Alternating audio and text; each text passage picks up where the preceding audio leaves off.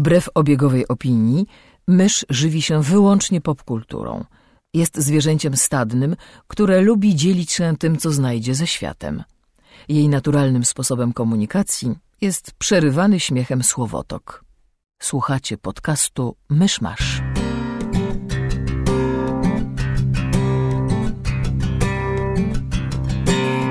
Gospodarzami podcastu Myszmasz są Krzysiek Cera, redaktor portalu Avalon. Kamil Borek ze studia Kobart. i Mysz, autorka bloga Mysza Mówi. Drodzy słuchacze, jest poniedziałek 28 listopada 2016 roku, rocznica bitwy pod Oliwą, urodziny Eda Harrisa, a także albański Dzień Flagi. Zapraszam do 161 odcinka podcastu Myszmasz. Albański dzień czyjej flagi? Albańskiej flagi. Nie, nudno. Tak. wszyscy, wszyscy wzięli oddech i nikt nic nie powiedział. Ale za to twój fotel skrzypi. E, dzisiaj w naszym em, już, miejmy nadzieję, stałym e, studiu domowym e, gościmy ponownie e, gości. E, I jak zwykle e, są to e, e, Marta Oceansol Najman i, i Magdalena Kazus-Gikus Bardalińska. Witamy bardzo serdecznie w naszym studiu. O wow. Wysokoenergetyczny odcinek będzie. To jak zwykle brzmi strasznie smutno, tak jakby już nikt inny nie chciał przychodzić. Nie, my was po prostu bardzo lubimy. Okej. Ty.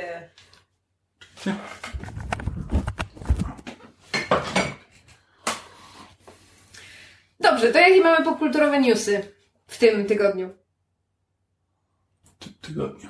Zmarł Shepard Book? Tak, zmarł Ron Glass bardzo, bardzo niedawno, w sensie wczoraj, przedwczoraj, Wczoraj, w wczoraj momencie jak to nagrywamy. Czyli aktor znany, e, no chyba najbardziej właśnie z roli, z roli pastora Booka w Firefly i, i Serenity. E, także występów gościnnych w e, różnych agentach tarczy. Podkładał głos na przykład w Fable drugim? Trzecim? W którymś Fable. Także inaczej tak jest znany z różnych geekowych rzeczy. A, co jest oczywiście bardzo przykre. Zmarł też Fidel Castro, co może jest trochę mniej przykre. Wow, czarny humor. A to nawet możliwe, że i przed tego samego dnia, przynajmniej, że tego samego dnia ogłosili. No. Przypadek? Tak.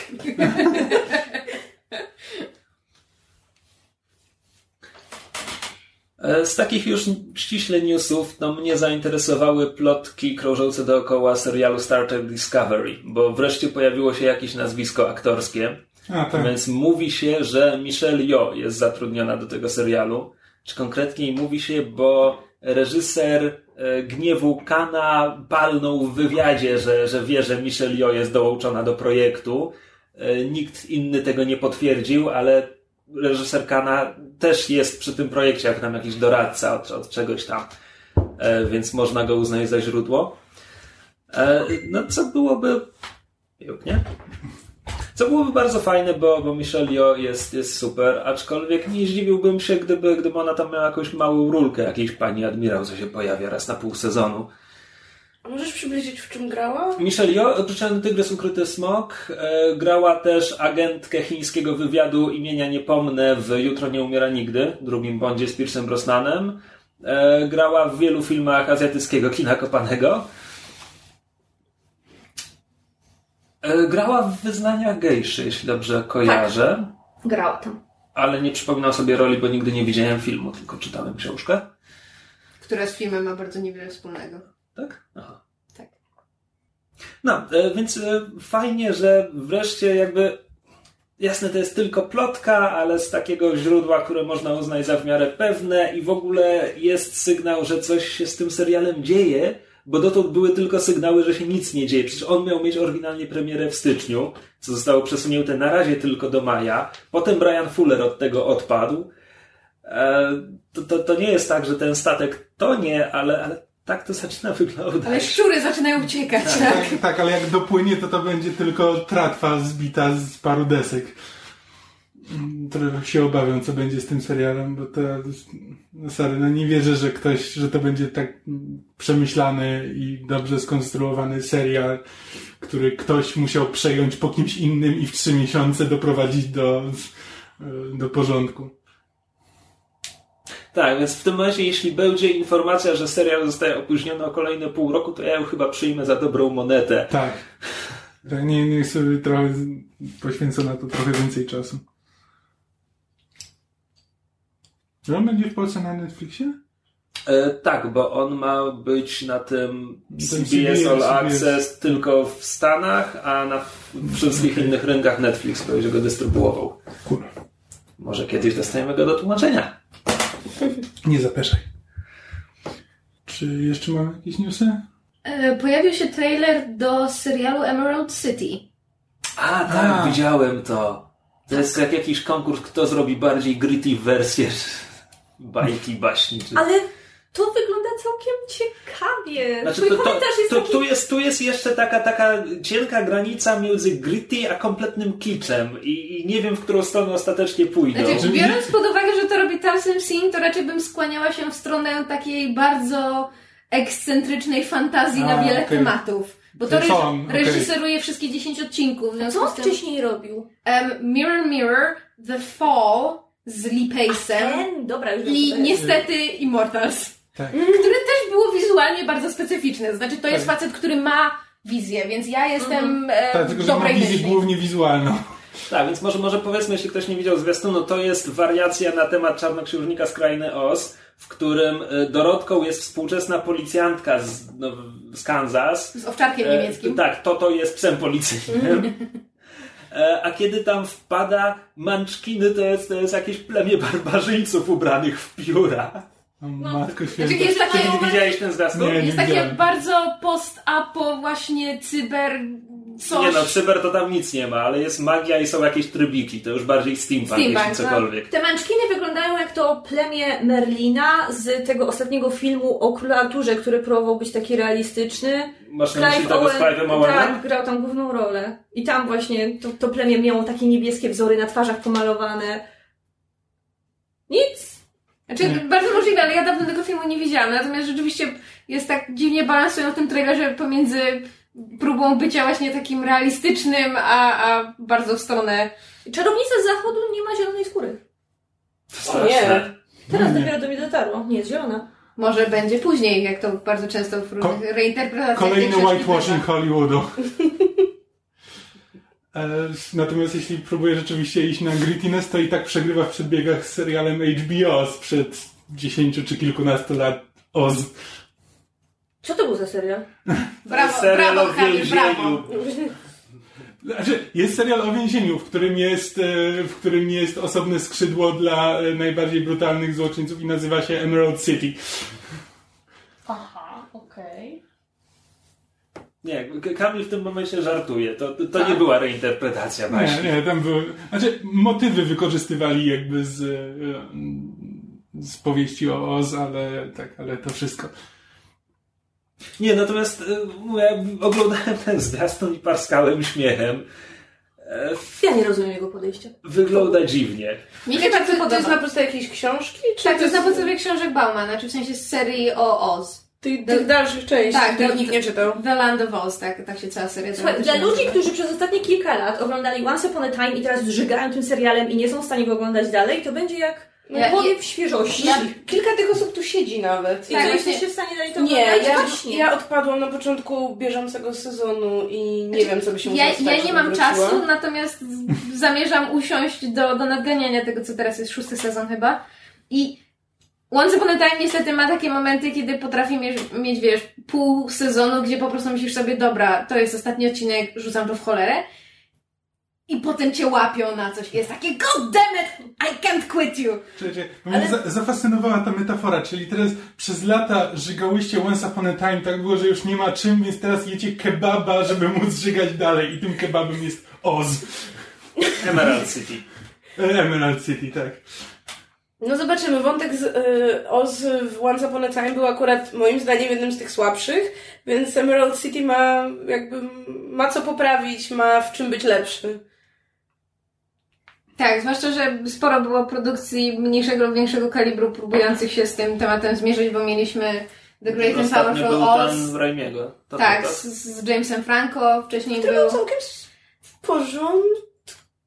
Było Znaczy, okej. ja nie widziałem filmu, ale chyba jesteś w mniejszości, jeśli tak Znaczy, uważasz. nie, no, był- Czytałem internet. Był okej, ale bez zachwytów, a wcześniej z kolei było wiele różnych straight to DVD i była bardzo ciekawa miniseria sci-fi, która się jeszcze wtedy nazywało sci-fi, a nie syfy, e, pod tytułem Tin Man, która, która też dotyczyła mm, tej krainy. Zresztą jeżeli ktoś nie widział, to, to Tin Man i Alice to są jedne z dwóch najlepszych miniserii, jakie sci-fi miało. Powstały w bardzo podobnym czasie. Wracając do tej granicy kiczu i gritty w, w tym zwiastunie, bo ja, ja dobrze połączyłem postaci, wzorce i w ogóle ona, ona e, stracha na wróble, to, to jest jakiś ucz- ukrzyżowany człowiek, którego ona ściąga z krzyża, tak? A, to był Które, któremu ogóle... słoma wystaje, nie No wiem, tak, bo jest z ram czy coś. obtoczony w smole i chyba O. w... No właśnie, właśnie, dziękuję, że rozumiesz moje, moje reakcje na ten zwiastun.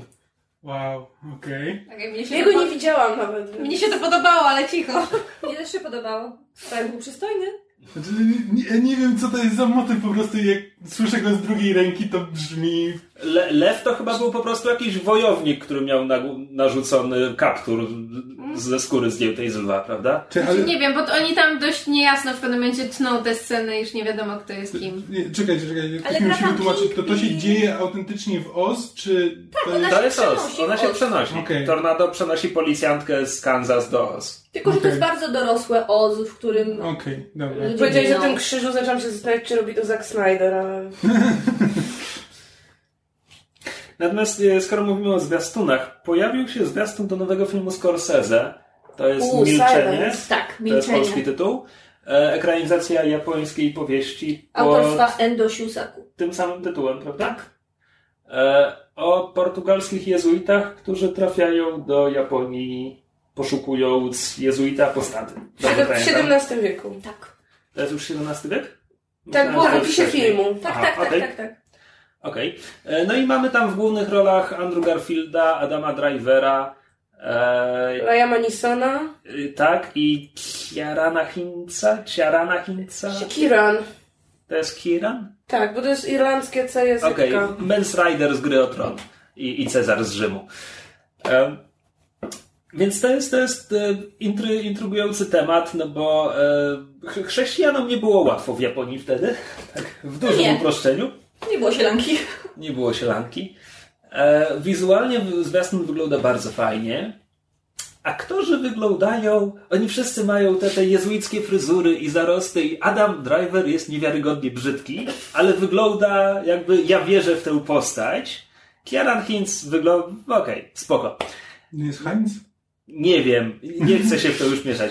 Natomiast Andrew Garfield w tej stylizacji wygląda po prostu jak barista z Williamsburga. Krzysiek nie może przy, przejść do porządku dzielnego z faktem, że ludzie wtedy mieli brody. I to były bujne, gęste brody. Ale, ale, ale to jest taka bardzo wystylizowana broda i on ma menban. Znaczy, on ma, i, ma, I to jeszcze na Andrew Garfieldzie, który nie Właśnie. wygląda jak człowiek, który żył w tych czasach. Tylko jak hipster ze Starbucksa. Znaczy inaczej, on, on mógłby żyć w tamtych czasach, ale na pewno nie byłby jezuickim portugalskim księdzem, tylko jakimś paziem na dworze albo jakimś dworakiem. Znaczy, ujmę to tak, ja na niego patrzę w tym zwiastunie i on wciąż byłby dla mnie bardziej wiarygodnym Peterem Parkerem niż jezuitą z XVII wieku.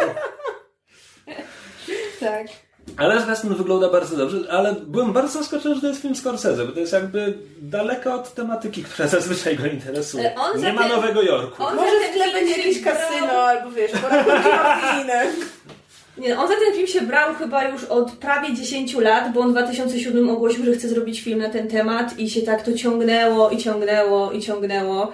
E, I w końcu, w końcu, w końcu coś wypuścił. Ale ja myślę, że to będzie dobry film, bo ja czytałam książkę i książka jest, na mnie zrobiła straszne wrażenie wtedy, jak, jak, jak ją czytałam. Bo to jest książka o tym, jak nie da się wprowadzić chrześcijaństwa do Japonii. Ona ci tłumaczy to dokładnie, dlaczego. Oni tam używają takiej metafory, że to jest niepasujące ubranie i to jest taki symbol, który najbardziej wybrzmiewa z tej, z tej całej książki. I, i historia, historia jest autentyczna, bo to jest inspi- inspiro, inspirowane faktami e, i, i historia jest dobra. Więc mam nadzieję, że film równie t- tak samo ją pokaże. I muzyka w tym zwiastunie była świetna, strasznie mi się podobała ta muzyka. Michael, twój news o Arturze. To ja żartowałam z tym. Co to jest Artur? Arthur, Arthur Darwin. Darwin. Arthur Darwin powiedział, że chciałby zagrać młodego Dumbledora w kontynuacji Fantastycznych A, to jest. Arthur Darwin, dobra. Już tak widziałem tego newsa.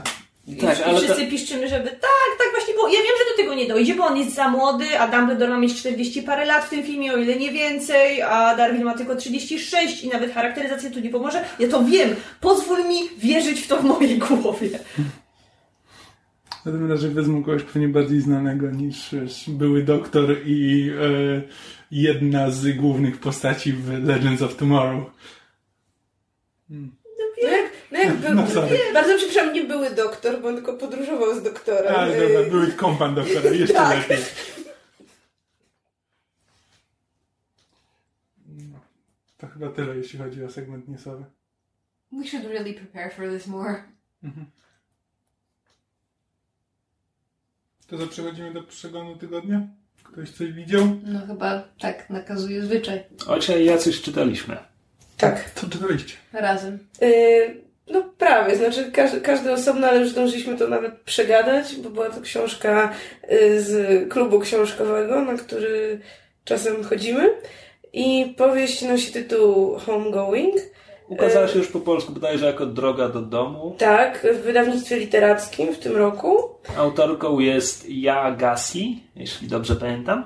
Tak, autorka pochodzi z Gany, tam się urodziła, ale całe życie właściwie mieszka w Stanach Zjednoczonych.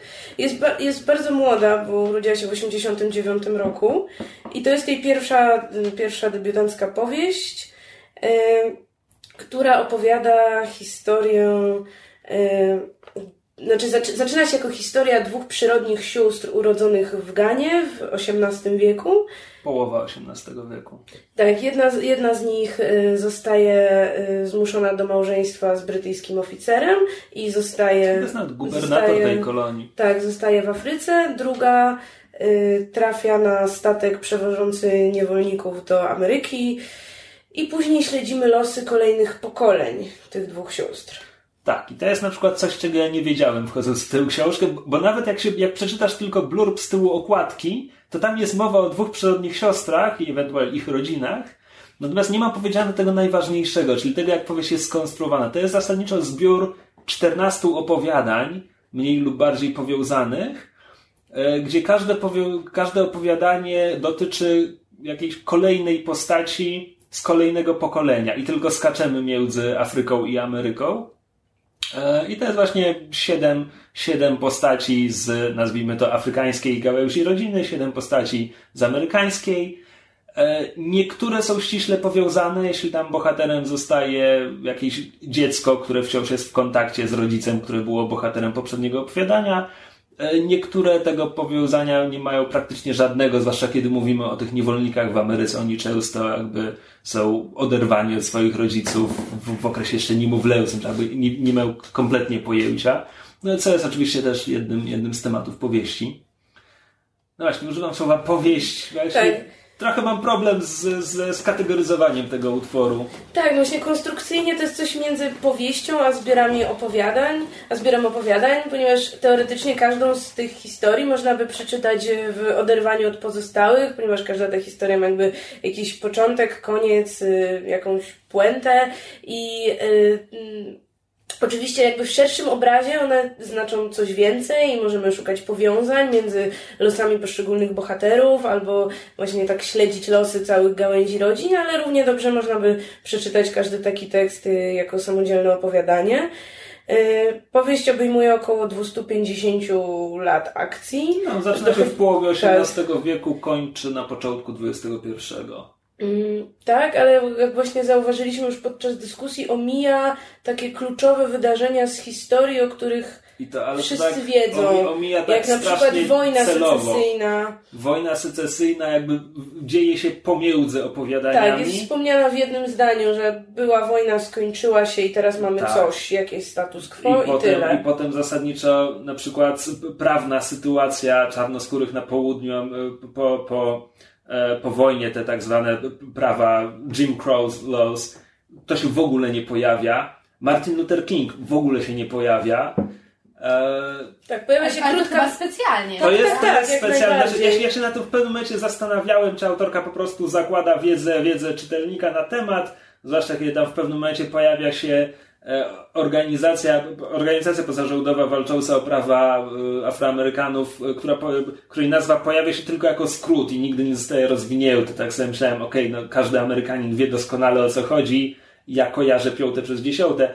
Natomiast nie, to jest jak najbardziej celowy zabieg, żeby skupić się na, na, na rodzinie, a to wszystko inne jest tle. Znaczy tak bardzo w tle, że praktycznie niewidoczne, chociaż oczywiście oddziałowuje na, na bohaterów.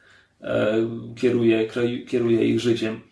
Tak, historie skupiają się głównie na, na życiu rodzinnym, na często relacjach e, właśnie ze starszym pokoleniem, albo na relacjach e, w małżeństwie, na, na tym, na jakichś wątkach miłosnych, na też, nie wiem, myśleniu o przyszłości swoich dzieci.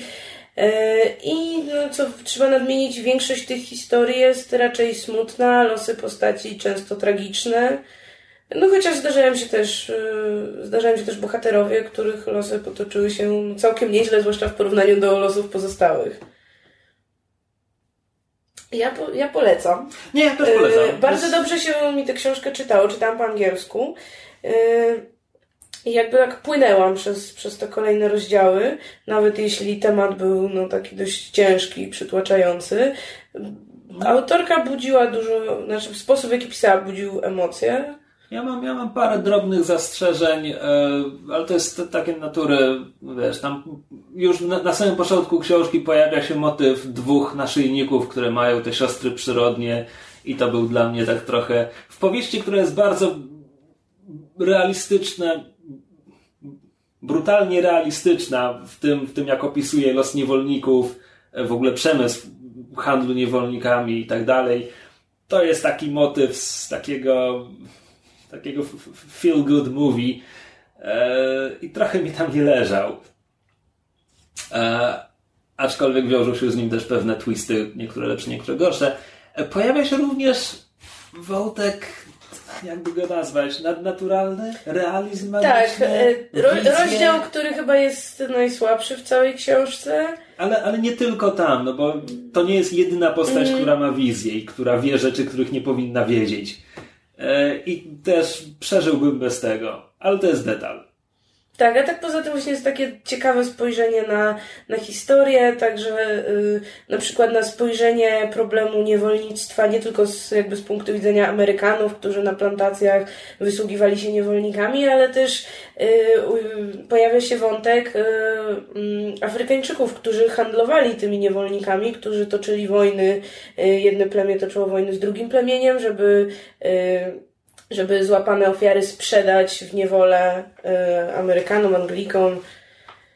Tak, więc y, chyba taka jedna z mniej dotykanych strun. Strun? Strun. E, przepraszam, myślałem, że chcesz powiedzieć stron. Stron, nie, chciałam powiedzieć strun, żeby dokładnie no metaforycznie tak, zabrzmiało, tak, tak. a ty mnie wyśmiałeś i teraz mi głupio. Jakaś, jakaś ta struna tak wybrzmiała, że mi mózg rozstroiła, przepraszam.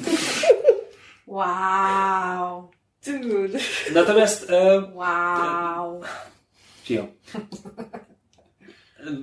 Jest, jest wątek, którego nie zdążyliśmy przedyskutować na, na klubie dyskusyjnym, bo ta przedostatnia bohaterka opisywana, że zastanawiam, na ile to jest autobiograficzny wątek, bo jak spojrzysz na pierwszy rzut oka, to ta jakby ta, historia. W się pojawi. Tak, nie, nie da się.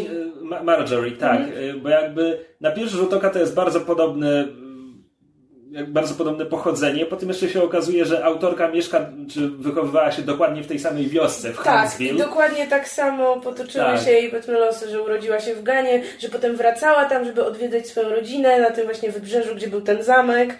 Tak, więc jest, jest jakiś kole, mhm. kolejny trop. E, to chyba wszystko. To chyba wszystko. Ja mogę zrobić segway w oparciu o stronę. Proszę bardzo. Mianowicie obejrzałam film, który za tydzień ma premierę w polskich kinach, więc tak na świeżo będzie.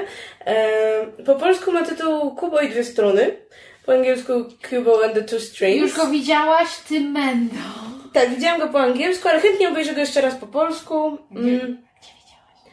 Widziałam go, gdyż DVD już się ukazało, ponieważ premiera w Stanach była w wakacje tego roku. E, jest to film produkcji studia Laika, które możecie kojarzyć z animacji takich jak Coralina, Paranorman i Box Trolls. E, studio to e, posługuje się techniką animacji, tak, animacji poklatkowej e, w połączeniu z animacją komputerową, to znaczy postaci i część dekoracji jest jak najbardziej wykonywana ręcznie, właśnie to są te takie klasyczne figurki z ruchomymi e, wszystkimi częściami ciała, jest jakby z nakładanymi buziami, które mają różne, różne wyrazy twarzy. I część dekoracji też jest wykonywana ręcznie, jakby takie małe plany filmowe powstają, ale równocześnie jest tam też green screen i część rzeczy jest dodawana potem w postprodukcji w komputerze i wygląda to moim zdaniem fenomenalnie. Y, Jeśli chodzi o Cubo, wystarczy, że obejrzycie sobie zwiastun i y, no to jest coś nie, nie, jakby takiego niepowtarzalnego. Jakby też z każdym filmem to studio wydaje mi się, że y, staje się coraz lepsze i, i też zaczyna zarabiać coraz więcej i zapowiadają, że kolejne ich filmy powinny już powstawać co roku. Na YouTubie są takie fantastyczne filmiki z behind the scenes, właśnie z Mhm, kręcenia tak, tak, Kuba tak. the Two Strings i na przykład jak oni pokazują, jak kręcili ujęcia, ta, ta, tam w, w trailerze widać są takie ujęcia na, na morzu. Mhm, Tylko oni pokazywali, jak oni kręcą Warstwy wodę. wody. Po prostu mind exploded. Dobry podcasting. To efekt dźwiękowy. Tak, jakby, jakby to, jak oni kręcili ten film, wy, wygląda bardzo podobnie do tego, jak się kręci niektóre filmy aktorskie, to znaczy jak są sceny walki, to na przykład figurki postaci Mają są podczepiane na niewidzialne, jakby takich na linkach, które potem no, są w, w postprodukcji usuwane, że tam postać wykonuje jakiś skok i tak dalej. Więc... Yy, więc jakby to, to jest fenomenalne, ale może tak, o czym jest sam film? Y, Jest to y, taka dosyć melancholijna historia y, chłopca, który ma tylko jedno oko, ponieważ jego On drugie... nie ma oka? On ma tylko jedno oko, drugie jakby ma przysłoniętą pół twarzy grzywką, ale on nie ma oka. Jezu, Ma- tyle razy widziałam ten zwiastun i interesuję się filmem od kiedy tylko powstał i do, do teraz nie wiedziałam, że jest, bo główny bohater nie ma oka. On ma tylko Brawo, jedno oko i tylko dwie struny. Tak, i dlaczego nie ma oka? Ponieważ drugie oko ukradł mu jego zły dziadek. O! I chłopiec... A, to jedna z tych historii. Tak, chłopiec ukrywa się wraz z matką y, w takiej jaskini na klifie, nieopodal małej wioski i y, ma zakaz przebywania y, poza jaskinią po zmroku, ponieważ jeśli wtedy będzie, że tak powiem, na otwartej przestrzeni, to znajdzie go jego zły dziadek i ukradnie mu drugie oko. Jego zły dziadek nie ma nic lepszego do roboty? Czy jego oczy są magiczne? Y, Czy to jest coś, o czym nie chcesz mówić, bo to twist? Nie chcę mówić o rzeczach związanych jakby z tym okiem, z dziadkiem i tak dalej, bo to później, znaczy dosyć późno w fabule jakby do tego, y, do tego jest nawiązywane, ale jakby tak w tym filmie jest magia A to jest dziadek ze strony ojca czy ze strony matki? ze strony matki. To jest y, jakby rodzina matki, jeszcze są złe jakby siostry bliźniaczki, y, które mo- można też kojarzyć ze zwiastunów, mają takie blade twarze, czarne płaszcze y, i są takie bardzo niepokojące. I problem pojawia się wtedy, kiedy Kubo nie przestrzega zakazu mamy i po zmroku zostaje w wiosce, gdzie aktualnie odbywa się jakby ichniejszy odpowiednik święta zmarłych, kiedy ludzie próbują komunikować się ze zmarłymi bliskimi, on próbuje nawiązać kontakt z ojcem, ten ojciec nie odpowiada, no ale jakby w międzyczasie robi się ciemno i, i okazuje się, że właśnie zła rodzina zaatakowała i mama mm, Kubo poświęca swoje życie, żeby jakby ostatnim, ostatnim jakby taką resztką sił, które ma, mimo że ona choruje, ochronić go yy, i, i teleportuje go do zupełnie innego miejsca i ożywia też jakby jego taką małą figurkę małpki śnieżnej, żeby mu towarzyszyła, żeby go chroniła. No i on wyrusza na przygodę, gdzie planuje odnaleźć zbroję swojego ojca, yy, i jakby, która chroni go przed, przed zakusami złego dziadka. I jakby, no to może nie brzmi szczególnie oryginalnie, Nie, brzmi Bo- fajnie, mi się podoba. Dziadek Bo jakby du-. Dużo już było takich historii, gdzie no, bohater zostaje osierocony, tak, bo wtedy może przeżywać przygody, yy, kiedy wyrusza no, po jakiegoś McGuffina. Tak, kiedy nie posłuchał zakazu rodziców i Tak. cała chryja się zaczyna. To Ale tak, ta historia jest o tyle ciekawa, że czerpie y, z mitologii wschodniej y, i utrzymana jest właśnie w takiej ciekawej, powiedziałabym, stylistyce, gdzie ta magia jest jakby taką integralną częścią świata. To znaczy, Kubo grając na tym swoim dziwnym dwustrunowym instrumencie, ożywia postaci wykonane z origami. I absolutnie nikogo to nie dziwi. To jest jakby integralna część tego świata. Tak samo właśnie jak to, że nie wiem, ludzie komunikują się ze swoimi zmarłymi, tak jak to, że nagle małpa jest żywa i mówi. Yy, I pojawia się tym też, myślę, dużo więcej jakby takich elementów z mitologii japońskiej, które pewnie Megu rozpozna lepiej, jak obejrzy ten film, niż ja. Jak obejrzy? A, obejrzy. Ale. Możemy razem. Możemy wszystkie. Yy, ale właśnie tak stylistycznie wydaje mi się, że ten film bliższy jest na przykład produkcją studia Ghibli niż jakimś yy, takim zachodnim animacją, także tym, które wcześniej robiło to studio. Yy, no i warto wspomnieć, że jest fenomenalna obsada głosowa. Małpę gra Charlize Theron i jest bardzo dobra. To jest taka małpa ninja, bardzo taka zasadnicza, yy, nie pozwalająca sobie na żarty. Pojawia się yy, zaklęty w żuka wojownik, Matthew McConaughey. tak, którego gra Matthew McConaughey, któremu kazano do tej roli porzucić swój charakterystyczny akcent, żeby brzmiał tak bardziej uniwersalnie. Yy, Czyli rozumiem, że rycerz zaklęty w żuka nie mówi alright, alright, alright. Nie, ale wydaje mi się, że jakby w dalszym ciągu idzie rozpoznać, że to ma film. E, Rooney Mara gra te złe, złe siostry, y, dziadka gra Ray Fine, a samego Kubo gra Art Parkinson, którego możecie kojarzyć jako Rickona Starka z Gry o Tron. O, Tak To więc... ten, co dostał strzałę. Tak, to ten, który nie umie biegać. E, slalomem, dzieciaku, slalomem! Tu idzie mu trochę lepiej. Y, Tak więc ja polecam w polskich kinach już za tydzień. Y, Angielską wersję też polecam, gdyż, gdyż głosy. No, ale bo w polskiej wersji głosy pewnie też będą dobrze podłożone, bo to e, animacje na polskim rynku zazwyczaj mają dobrze podłożone głosy. Możemy sprawdzić. Org- organoleptycznie. Dokładnie. To znaczy zwiastun brzmiał... Zwiastun, zwiastunami nie należy się kierować. Bo właśnie wczoraj widziałyśmy go z Ocią w kinie. Jak pojawiły się dwie złe siostry bliźniaczki w tym zwiastunie, to był pierwszy moment, kiedy dzieci na sali zaczęły mówić do rodziców Mamo, boję się. I potem było więcej takich momentów. Możemy zrobić tutaj segway? Tak, bo a, to jeszcze nadmienię, że to jest taki straszny i melancholijny film, więc nie zabierajcie na niego bardzo małych dzieci. Dobrze. Z drugiej strony małe segway. dzieci, małe dzieci powinny oglądać takie filmy. A Do naszego wczorajszego seansu, na którym było mnóstwo dzieci, dlatego o tym Oj, wspominamy. Jej, dzieci, w- w tym, dzieci w kinie. No, poszłyście na animację, czego się spodziewałaś? Tak, i to w sobotę o 14, więc... A więc byłyśmy z Ocią na Wajanie.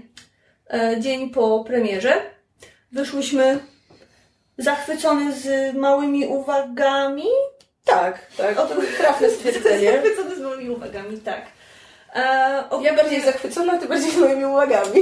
Tak, tak, tak, tak można, tak można to podsumować. Ogólnie film jest prześliczny, animacja jest O rewelacyjna. Boże, włosy i o Włosy Boże, i woda. woda. Włosy i woda. Jeżeli potrafisz animować włosy i wodę, to, To umiesz wszystko, animacji. One wyglądają fantastycznie i te kolory, to jest taki żywy... Oni te włosy to już przy roszponce obczaili. A po prostu oni mają tutaj takie kręcone, gęste Właśnie, włosy i jak mały związuje swoje włosy w kołko, jejku, jaka piękna scena. You had to be there. Um, to y, szybciutko, żeby... O czym to jest? O, o, czym, o czym to jest? Film opowiada o em, córce wodza z jednej z, polinezy, z polinezyjskich wysp, która jest szkolona, żeby przewodzić swojemu ludowi w przyszłości. Od małego Wajanę pociąga morze, jednak jej lud ma zasadę, że nie można wypływać poza lagunę, ponieważ tam czekają na ciebie złe rzeczy, sztormy, potwory i tak dalej. Nasza bohaterka nie słucha przestróg swoich starszych. Przy okazji film rozpoczyna się streszczeniem miejskiej legendy, w którym to to jest ich miejska Wszystkie legenda. miasta. To jest ich miejska legenda, w której Mitologiczna Maui, przypowieść. Tak. Wioskowa legenda. Tak, w którym Półbóg Maui kradnie serce wyspy, która dawała życie całemu światu. Czy takiej wyspy slash bogini. Tak. I od tego czasu świat zaczyna powoli pożerać mrok. W co ludzie współcześni już w tym momencie nie do końca wierzą i, i rodzina Wajany twierdzi, że pozostając ciągle na tej wyspie, um, nic złego im na pewno nigdy nie grozi. Tak, to znaczy oni widzą, że tam na przykład kokosy są y, jakieś takie z- zdechłe w środku, ale tłumaczą to sobie tak na zasadzie, no to może musimy zacząć sadzić drzewa po drugiej stronie wyspy albo łowić z innej strony wyspy, żeby mieć jakieś ryby i tak dalej. I jakby tak nie dopuszczałem do siebie jeszcze tej opcji, y, że to wszystko jakieś zagrywki bogów i półbogów, poza babcią Wajany, która jest taką osobą bardzo związaną z tym światem duchów, mitów, Apparently denial is also a river in Polynesia. Przepraszam, nie mogłam się oprzeć. Tak więc jak możemy się domyślać, Wajana koniec końców wypływa Żeby na uratować ocean, żeby uratować wyspę. Tak. I, I tam spotyka wystarczy. półboga Maui i mają przygody. I mają przygody i śpiewają piosenki. Muzyka w tym filmie jest, Jest fantastyczna. fenomenalna. I nie mówię tego dlatego, że Napisał ją napisał Lin-Manuel Miranda. Miranda. Nie, nie dlatego. Znaczy Lin-Manuel Miranda jest jednym z, jakby z trzech autorów muzyki, więc to nie tylko jego zasługa. Tak, ale on głównie tworzył piosenki. Tak. I te piosenki to jest już w tym momencie można powiedzieć, że to będzie taki To klasyczny disneyowski kanon, bo są naprawdę prześliczne. Ja śpiewam od wczoraj. Ale muszę powiedzieć, że po tym jak wróciłam z kina i przesłuchałam sobie oryginalny soundtrack i oryginalne piosenki, wydaje mi się, że wersja polska jest lepsza. A to dlatego, że cokolwiek by nie mówić i jakkolwiek by nie kochać Dwayna Johnsona i Lina Manuela Mirandy, oni nie potrafią śpiewać. A powiem Ci, że mnie z kolei bardzo się podoba właśnie wersja Dwayna Johnsona y, i jakby ta jego piosenka. Znaczy, Kamil w trzy razy, więc... Ja obejrzę najpierw po angielsku, a potem dopiero po polsku i będziemy miał porównanie, które po jest lepsze. Po polsku piosenka Dwayne'a Johnsona ma bardzo fajny tekst. Mi to strasznie weszło w tak, głowę. Tak, i to tak, tak, to, to tak strasznie rytmicznie wszystko wypada i to... I, i, ja właśnie dlatego... Polski dubbing jest naprawdę na bardzo wysokim tak, poziomie. Właśnie na tym to polega... Ludzie się dziwią, że ja wolę poczekać i obejrzeć mm. w oryginale, dlatego że ja wiem, że polski dubbing, zwłaszcza w wypadku animacji Disney, jest 90 procentach tak dobre i tłumaczenie jest tak dobre, że jeżeli obejrzysz najpierw to polską, to, to będzie twoja pierwsza tak, wersja. to to jest twoja wersja i jakby angielska, nieważne jakby była dobra, mm. nigdy nie, do, nie dorówna polskiej, bo widziała się pierwszą i ja jednak wolę, jakby wolę dać szansę polskiej, żeby rzeczywiście prześcigło oryginał w momencie, kiedy najpierw poznałam oryginał, niż jakby wiesz, odwracać, odwracać kolejność, więc ja jakby jestem absolutnie w stanie uwierzyć w to, że polskie wersje bardzo wpadają w ucho, bo jakby polskie tłumaczenia piosenek Disneya od właściwie początku, kiedy, kiedy filmy wleciały w Polsce wpadały w ucho. Tak samo jak wiesz, jak ludzie do dzisiaj pamiętają na przykład polskie wersje piosenek ze Śpiącej Królewny, Mm. mimo że ostatni raz film widzieli, wiesz, kilkanaście lat temu. To są po prostu bardzo dobre tłumaczenia. Ale muszę powiedzieć, że bardzo będzie mi ciężko wytrwać i poczekać, aż film wejdzie na DVD, bo strasznie bym chciała go zobaczyć, no bo trailery były fenomenalne. No i jakby, że abstrahując od, od talentu Lina Manuela Mirandy do pisania, no to sama historia wyglądała fajnie, no bo jakby nie jest, to nie jest typowa księżniczka. Tak, i to jest oryginalna fabuła, jakby nie oparta na, nie wiem, żadnej książce. Tak, i wielokrotnie jest to podkreślane i sama Wajana podkreśla, że ona nie jest księżniczką, że ona jest córką wodza.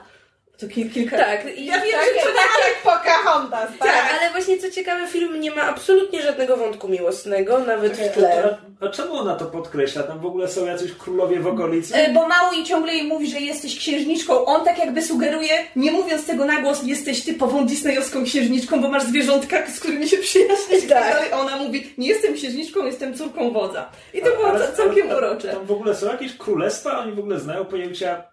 Znaczy, znają pojęcia księżniczka? plemię i wódz. I No. I to tyle.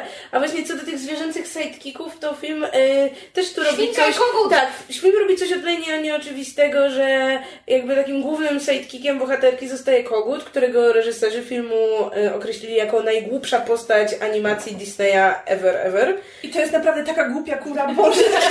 Ale kura jest fenomenalna i y, sprawdziłam, proszę Ciebie, kurę dubbingował Alan Tudyk.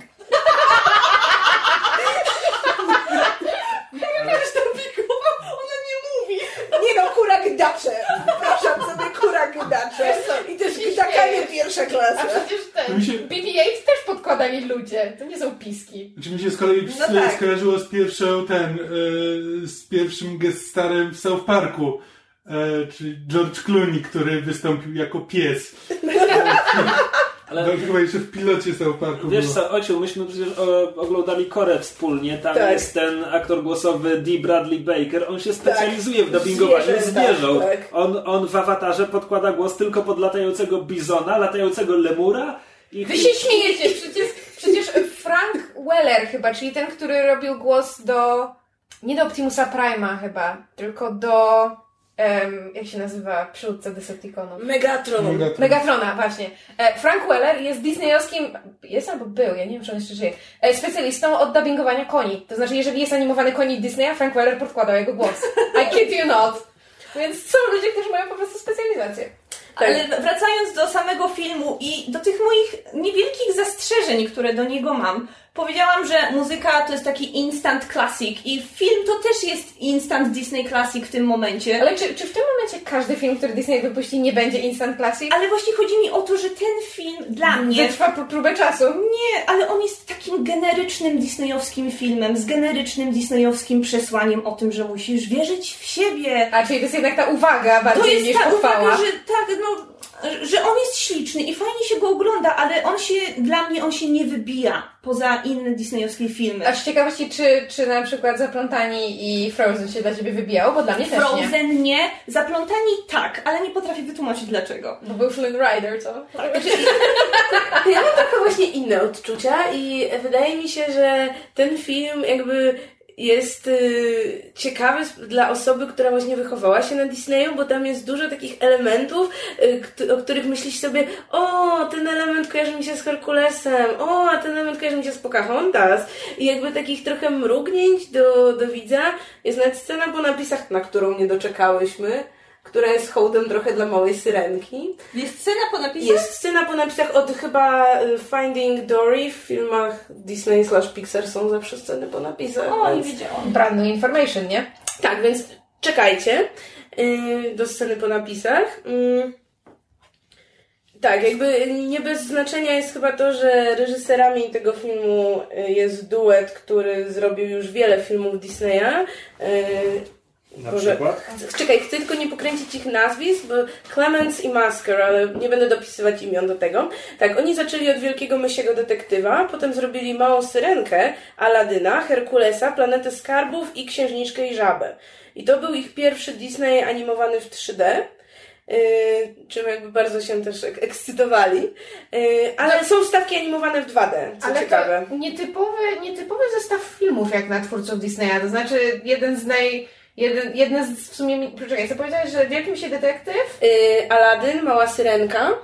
Później oni bardzo chcieli zrobić Planetę Skarbów, ale Disney przekonał ich, zróbcie dla nas najpierw Herkulesa, który dużo zarobi, to pozwolimy wam zrobić Planetę Skarbów, która nic nie zarobi. I potem zrobili Księżniczkę i Żabę na pożegnanie jakby tego, tej epoki animacji dwóch Ciekawe, 2D. bo mają, mają kombinację naj, jednych z najbardziej kasowych i popularnych filmów Disneya i najmniej, no bo Wielki Misi Detektyw i Planeta Skarbów są Tak, jakby na... Parę, parę tygodni temu Lindsay Ellis wypuściła na swoim kanale takie, taką recenzję, omówienie Herkulesa bardzo długie, gdzie właśnie we wstępie mówi o tym, że to był film, którego nikt nie podszedł z pasją do tego projektu, a już zwłaszcza reżyserowie, którzy bardzo chcieli robić Planetę Skarbów, ale kazano im robić Herkulesa. No to jest ciekawe, bo to jest całkiem dobry film. Znaczy jak, jak na taki wyrobniczy. Ten esej bardzo fajnie tłumaczy, dlaczego obiektywnie patrząc Herkules jest złym filmem i dlaczego tak mało zarobił, jak na to, ile y, producenci po nim oczekiwali. Także Musiałabym obejrzeć. polecam. No, Ja akurat Lindsay Herkulesa Ellis lubię. zawsze warto oglądać. Ona ma świetne te wideo eseje. Znaczy, ja bardzo lubię wideo eseje, tylko nie mogę ich oglądać za dużo i zbyt często, bo czuję się głupia i że nic nie robię dobrego ze swoim życiem, bo ludzie są mądrzejsi ode mnie, więc... No, co do kwestii zarobkowych, to Wajana na pewno tego problemu mieć nie będzie, bo już teraz zarobiła więcej niż Frozen w weekend otwarcia. Yy, Mówię, no ta maszyna po prostu jest jak kula śniegowa, już teraz tego nie powstrzyma. Moim zdaniem to jest lepsza produkcja od Frozen. Znaczy, chociaż ja bardzo Frozen lubię, nie jestem z tych, którzy strasznie kręcili nosem, ale jakby tutaj ten klimat, jakby to, że to jest wykorzystanie takiej też nieznanej tej mitologii polinezyjskiej, że i postać Wajany, która jednak trochę się różni od właśnie innych, innych księżniczek, tak najbliżej mi, mi się trochę kojarzy z Meridą, tak jeśli chodzi o taki hard ducha i zrobią po swojemu i tak dalej. Wszystkie filmy, w których nie ma wątku romantycznego, jeżeli jeżeli chodzi o Disneya, będą się kojarzyć z Meridą, Tak, ale właśnie też, ale też trochę Planeta Skarbów, właśnie to taka, też, że jest ona chce, ona chce się nauczyć nawigować i tak dalej, więc ja trochę widzę też właśnie Jima w, w Wajanie.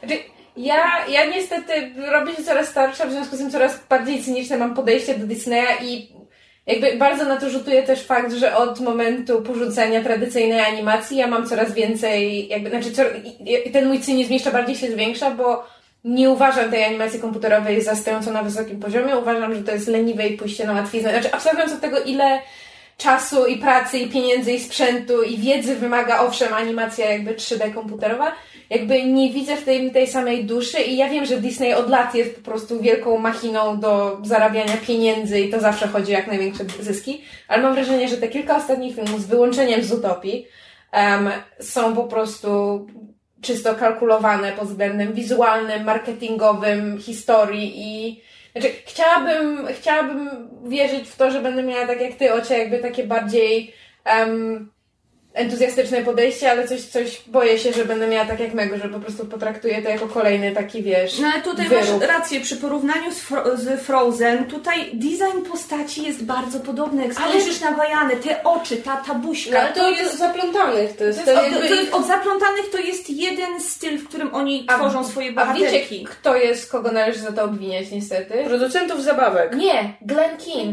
E, e, em, rysownik odpowiedzialny za wygląd Małej Syrenki. Dlatego, że on w momencie, kiedy oni przechodzili na animację 3D, został zatrudniony przez Disneya do tego, żeby opracować dla nich wygląd jakby Modelu. Tak? modelu animacji. I oni się go teraz trzymają co do joty, bo mają już wypracowane na przykładzie właśnie Arielki, która jest jedną z najbardziej jakby powszechnie kochanych e, i jakby estetycznie em, pleasing księżniczek Disneya, że właśnie wiesz, duże oczy, mała buzia, dość okrągła, wiesz, piękne włosy i tak dalej. I oni się teraz po prostu trzymają tego co do joty i dlatego ja mówię właśnie o tym jakby braku duszy. Mhm. No, wspomniałaś też tutaj y, z Utopię i to jest też coś, y, co mi od razu wyskakuje w głowie, jak się, y, jak ktoś Ci zada pytanie, jak Wajana prezentuje się na tle innych filmów Disneya, które się pojawiły w ostatnich latach i naprawdę w moim, y, w moim przekonaniu w tym momencie nic nie dorównuje z Utopii. Absolutnie. Tak. Ponieważ ten film to był pierwszy film, który wyszedł poza to klasyczne przesłanie Disneya o miłości, o tym, że siła jest w tobie, Ale hej, przesłanie możesz sobie. być tym, kim chcesz. To jest klasyczny Disney. Dobrze, to jest klasyczne, ale ile można robić filmów na ten temat? Ja bym chciała, żeby No, ale Disney Zootopia ma to przesłanie. Tak, właśnie, ale chodzi mi o to, że Zootopia ma jeszcze zupełnie inne przesłanie i nawiązuje do innych tematów. Zootopia mówi o, o, o, o dyskryminacji, o, o, o ras, rasizmie i tak dalej. I to są, mi się wydaje, że te tematy powinny się zacząć pojawiać w animacjach disneyowskich więcej, a nie tylko zamykać się w tych takich bezpiecznych tematach. I tego w Wajanie mi zabrakło. I wracając do kwestii e, wizualnej, e, przewagą z Utopii nad pozostałymi tymi no, współczesnymi e, Disneyami jest autentycznie taka prosta rzecz, jak to, że wszyscy bohaterowie są zwierzętami. To znaczy, mi tak brakuje Disneya, który by antropo- antropomorfizował zwierzęta, dlatego że tak bardzo jak lubię, że tak powiem, postaci ludzkie, uważam, że właśnie pod względem wizualnym zwierzęta prezentują sobą o wiele bardziej interesujące wyzwania, są o wiele bardziej interesujące do obserwowania, chociażby dlatego, że masz całą, wiesz, rozpiętość właśnie różnych stworzeń, wiesz, fakt, że w Zootopii masz, wiesz, od małych myszek do ogromnych żyraf i właśnie mimo, że jakby ten porób, nie, sierżant Hobbs, officer Hobbs? On jest postępkowa, postępkowa. E, też ma te takie, wiesz, ogromne, piękne oczyska, które można by przenieść jakby na, na wiesz, na Elsę i Annę i Roszpunkę i Moanę, to jakby ze względu na to, że wygląda inaczej, nie masz tego poczucia, że to jest właśnie wszystko od sztancy. Poza tym jakby jest, naprawdę wizualnie jest, jest zachwycający, wiesz, ogromne miasto pełne zwierząt, jakby zupełnie, zupełnie, wiesz, to, to Też ten poziom szczegółów. tak, i po prostu wiesz, i też ilość tła, bo po prostu wiesz, w, w Roszponce no masz Roszponkę i Flena Ridera i właściwie oni są Tak, i oni są w lesie, tak, tak. I, i są w lesie, są sami. Anna i Elsa też właściwie są same, no masz tam Są miasto. same, jest, jest góra, jest śnieg. A Moana i Tak, Maui, no to są są- sami. są sami, A jest morze. jest całym miastem, tak jak jakby tytuł wskazuje, więc dla mnie, ja się tu z Tobą zgadzam, Zootopia jest dla mnie najlepszym, bo to, że ulubionym to pomijam, ale najlepszym A to ja się jak najbardziej też zgadzam, że Zootopia to jest po prostu już taka... Czy Disney oprócz Zootopii 2 zrobi kiedyś jeszcze coś takiego? No oby. A robią z Utopią? Robią Zootopię Tak. 2. Znaczy, są nadzieje jeszcze na jakieś fajne Disneye, bo oni chyba nadal pracują, nie, czekaj, to oni czy Pixar? Nad e, filmem a propos Dia de los Muertos. To Pixar i na przyszły rok jest zapowiedziany ten film. No właśnie. Ma tytuł Coco i ukaże się w listopadzie 2017. E, Tak, a pierwszym filmem Pixara przyszłorocznym będą Auta 3, których teaser z kolei pokazał się w tym tygodniu. Tak, wygląda bardzo I wygląda dramatycznie. jakby robił go Zack Snyder. Is this the end of Steve McQueen? Ale przy czym o dziwo ten teaser dużo bardziej zachęcił mnie do tego filmu niż cokolwiek, bo jednak nie da się ukryć, że Auto 2 to jest ten film, który najbardziej Pixarowi nie wyszedł, który ma porażająco niskie oceny, a nie, nie- dziwota. A nie samoloty. Samoloty nie są- Pixara, wiesz, to też jakieś A, to takie studio straight to straight to DVD. DVD, które potem i tak to wyszło w kinach, ale to nie Pixar. Ten, ten samochód nie nazywa się Lightning McQueen? A może? Po polsku to jest Steve Zygzak McQueen to McQueen. był aut. Ja wiem, ale ponieważ to jest jakby nie bez powodu ma takie imię, więc mi się myli. Po polsku jest Zigzag McQueen. Tak. Tak więc odbiegłyśmy już tak bardzo. Może Ale jakby... przy okazji porozmawiałyśmy o obecnej kondycji filmów Disneya, co jest... Och, ja, mo- ja mogłabym na tym tyradę po prostu na ten temat na 20 stron Może, może napisać. kiedyś zrobimy sobie taki odcinek tematyczny o wszystkich Disney. Chłopców wyślemy do kina albo sobie pograją w gry. Co za obrzydliwa seksistowska stereotypizacja. Dobrze, pójdziecie sobie na zakupy i na manikur. To już lepiej. Więc żeby jakoś tak podsumować te wajany slash moane, przesłuchajcie soundtrack i idźcie do kina. W tej kolejności? Czemu nie? Czemu nie? Czy my omawiamy któryś z naszych dwóch filmów? Możemy, chętnie. A jakie są wasze dwa filmy? Myśmy, e, byłyśmy wspólnie z Ocią na em, Światło między oceanami, melodramacie, a, i tego samego dnia poszliśmy również na Nocturnal Animals, czyli Zwierzęta Nocy Toma Forda, tak żeby się już psychicznie dobić. Totalnie. Em, to może tak, tak, Od światła pokrótce. tak, pokrótce. No, ty, ty, typowy melodramat i szczerze mówiąc, im dłużej nad tym myślę, tym bardziej ten film jakoś Tym tak... bardziej nic w tym filmie nie ma. Ja, Tak. ja, ja mam takie pytanie, bo ja widziałem zwiastun ze trzy razy przed różnymi seansami. Czy w tym filmie jest coś poza tym, Może co zwiastunie? zwiastun w takim razie. No, że... w zwiastunie mamy parę, która niedawno straciła dziecko i mieszka gdzieś tam pod latarnią morską czy coś tam i znajdują na brzegu Jak łódkę z niemowlakiem. I zaczynają wychowywać to dziecko i to jest ich córeczka, a potem poznają kogoś, kto im mówi, a bo moja siostra straciła męża i dziecko w katastrofie i w ogóle i potem oczywiście się okazuje, że oni wychowują córkę tej e, siostry, która też się tam pojawia. No, No i i jest pytanie- wielki dramat, czy powinni im oddać No tak. dziecko, no bo zdążyli się do niego przywiązać przez te parę lat. Dziwnym zbiegiem okoliczności. E, zwiastun zdaje się sugerować, że oni w końcu oddają to dziecko, ale nie wiem, może. No i pytanie, czy w filmie jest coś poza tym, co właśnie powiedziałem?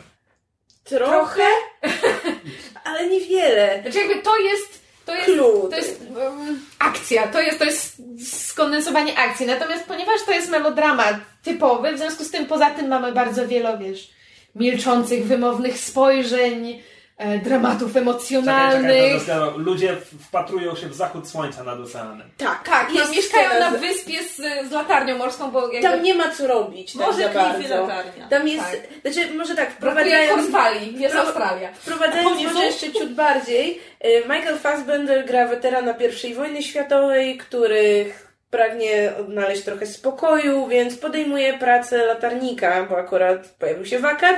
Chce tak żyć w osamotnieniu, bez ludzi, chce sobie tam sam ze sobą przemyśleć wszystko. Ale poznaje Alicia Vikander, się zakochuje i ją sprowadza na tę wyspę, Tak, bo... znaczy to bardziej nawet jej inicjatywa. On Tak. jest na początku taki, że tak powiem, wstrzemięźliwy. Nie, nie, tobie będzie źle na tej wyspie, ale ona nalega. A poza tym to jest cudowna, cudowny dialog pod tytułem, że no jak jest na tej wyspie? No w sumie to tam nic nie robię, znaczy zawsze Znaczy, jest coś do tak, zrobienia. wiesz, mam tyle pracy i Tak, obowiązków. jestem sam, dużo czasu na rozmyślałam, ona mówi, u, a możesz mi pokazać? On mówi, wiesz co, zasady mówią, znaczy tam zgodnie z tam, nie wiem, kodeksem latarników, te zasady są bardzo arbitralne. Tak, australijscy latarnicy Także, mają że swoje zgodnie, zasady. zgodnie z kodeksem e, latarników na wyspie nie mogą być kobiety, chyba że żona latarnika. Ona takie, to co, bierzemy ślub. Znaczy, dialog jest absolutnie uroczy i oczywiście potem biorą ślub i potem Tak. jest ta sytuacja, którą opisałeś. Tak. Ale jakby poza tym, to to jest właśnie Tak, potem jak oni są już na tej wyspie, to jest taka długa sekwencja, jak właśnie oni tylko wpatrują się w zachody słońca Robią i ganiają drewno, kury gotują. i nic nie robią, mimo że on mówił, że ma tyle pracy, a to pokazuje, jakby on nigdy nie pracował, nie, nie siedział w tej latarni, chyba, że jest akurat, nie wiem, jeden dzień sztormu w roku, a tylko siedzi w domu z nią i gotują obiady. Tak, no po prostu życie, życie domowe w osamotnieniu na, na wyspie, no. Tak, i potem pojawia się dramat pod tytułem właśnie Z tym dzieckiem. y, Nie możemy mieć dziecka, to znaczy postać Alicia Vikander jest dwukrotnie w ciąży i dwukrotnie traci dziecko. I wtedy magicznie pojawia się łódka z niemowlęciem. No i dalsza część filmu, no to to jest właśnie rozgrywanie dramatu pod tytułem, czy, czy powiedzieć tej, tej kobiecie, że to jest jej dziecko. Jeśli jej powiedzieć, to jak, jak się potem rozwinie sytuacja, jak to wpływa na nas, jak to wpływa na dziecko, jak to wpływa na miasteczko, no bo jakby, Jak to wpływa na latarnię? Tak, Tak, To jakie miasteczko? No bo koło wyspa jest przy jakimś tam miasteczku. A, dobra. brzegu, gdzie jest miasteczko. I tam Okej. mieszka rodzina Alicia Vikander i I tam ta mieszka... kobieta, która straciła dziecko. Tak, więc jakby to wszystko jest w małej, bardzo małej społeczności się rozgrywa.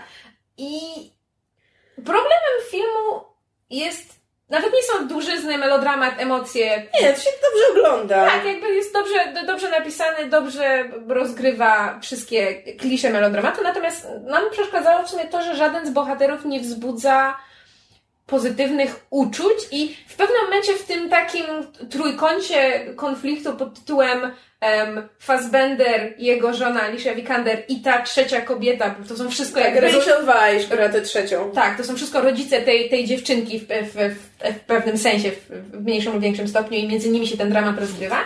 W pewnym momencie orientujesz się, że to nie jest kwestia wybrania tego, z kim się najbardziej zgadzasz w tym konflikcie, tylko tego, kto wzbudza najmniej negatywnych uczuć, znaczy jakby wybieranie mniejszego zła.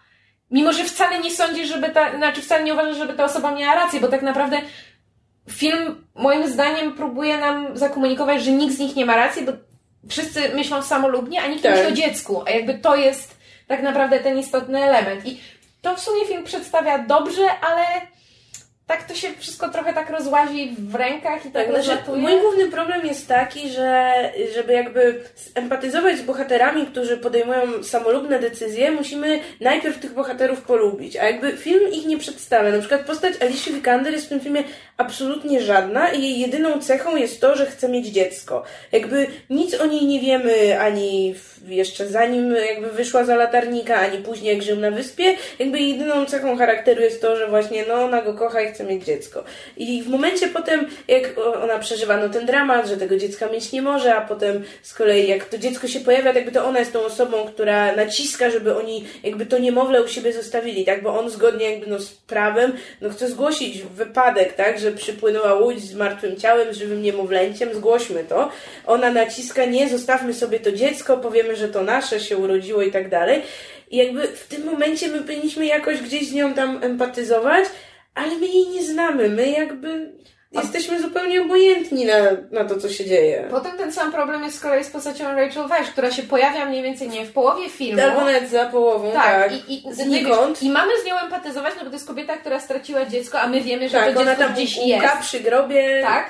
I film jakby po nie w czasie próbuje to naprawić, to znaczy nagle mieliśmy, wiesz, trzy czwarte filmu skupione tylko na Fassbenderze i Vikander, po czym nagle wprowadzają Weisz i dostajemy flashbacki z nią i jej mężem i tym dzieckiem na zasadzie, wi- widzicie, to też była rodzina, to też są ludzie, należy się nimi przejmować. No fajnie, ale to należało te wątki prowadzić równolegle, a nie dopiero to rzucać w momencie, kiedy Tak. ma nam zależeć. Tak trochę niezręcznie to wyszło. No i to chyba tyle. Czy mamy coś więcej jeszcze do dodania? To znaczy, no można obejrzeć, ale ja przyznam szczerze, tak jak ja jestem osobą, którą, nie wiem, łatwo wzruszyć i pół wajany przepłakałam, tak tu po prostu łzami nie zadrgała w ogóle nic, zero. Za ci nie zadrgała. Pod się. Tak. E, A to jest film, zapomniałam jak się nazywa oczywiście. Um, De, nie Derek, Darren, Chan Fran, coś takiego. Kian, De, De, Derek Kian Franz, jakoś tak się nazywa to jest, to reżyser. jest reżyser, który zrobił też Place Beyond the Pines i Blue Valentine. i Blue Valentine, czyli jakby też dwa no, melodramaty, dramaty, Mhm. ale jakby znaczy, słyszałam, słyszałam opinię, że, że mimo wszystko tamte filmy były lepsze i że tutaj troszeczkę za, za, za bardzo No ja z nich widziałam e, tylko Place Beyond the Pines e, z Ryanem Goslingiem i Bradleyem Cooperem i ten film dużo bardziej polecam. O, Też skupia się na wątku rodzice, dzieci i tak dalej, ale no rozgrywa to ciekawiej i lepiej. tak. A w dwóch słowach Nocturnal Animals ja mogę podsumować, bo wczoraj wrzuciłam recenzję i omawiałam już książkę w ostatnim odcinku podcastu, to znaczy dla mnie niestety, tak jak chyba mówiłam w odcinku, że li- liczę na to, że Tom Ford jakby będzie mi w stanie em, wynagrodzić te, te, te wady i niedociągnięcia, które miała e, oryginalny materiał źródłowy, miała książka Austina Wrighta. Niestety nie, nie spełniły się moje nadzieje, to znaczy Ford bardzo wiele w tym filmie zmienił i bardzo wiele rzeczy naprawił, natomiast materiał źródłowy moim zdaniem nadal jest na tyle słaby, że z pustego i Salomon nie naleje. Czyli ten film też jest pretensjonalny? Trochę. No, to był Tro- twój zarzut do książki. Tak, ale widzisz, bo, bo Pretensjonalne i źle napisane. źle A napisane... to jest pretensjonalnie i rewelacyjnie nakręcone. Znaczy nie, inaczej. To jest wciąż źle skonstruowana historia, mimo że Tom Ford troszeczkę wyrównał akcenty. Natomiast em, pretensjonalny był styl Wrighta, a styl Toma Forda nie jest pretensjonalny, jest wysmakowany. Dlatego, że on Wright próbuje być, wiesz, fancy, elegancki i poetycki na siłę. Ford po prostu jest, bo on ma po prostu bardzo konkretny styl, wysmakowany, przemyślany. To jest facet, który po prostu wie, co ci pokazuje i dlaczego, jaki efekt chce osiągnąć. A Wright po prostu rzuca wszystkim w ścianę i wiesz, czeka, co, co, co nie spadnie, nie? Że tak próbuję obrazowo na polski przenieść angielską, angielskie powiedzenie. Te rzeczy mam się przykleić ze ściany, tak? I z niej spadają. Tak, no throw shit at the wall and see if it sticks, tak się mówi po angielsku. Um, i, I trochę jestem zawiedziona. To nie jest zły film, natomiast z punktu widzenia kogoś, kto, kto, kto czytał oryginał, em, nie uważam, żeby było w tym wystarczająco dużo treści, żeby usprawiedliwić ekranizację. Ford powinien był zmienić więcej albo w ogóle zaadaptować coś, coś innego. Ja nie czytałam książki, y, więc wydaje mi się, że o tyle odebrałam ten film lepiej, że bardzo trzymał mnie w napięciu.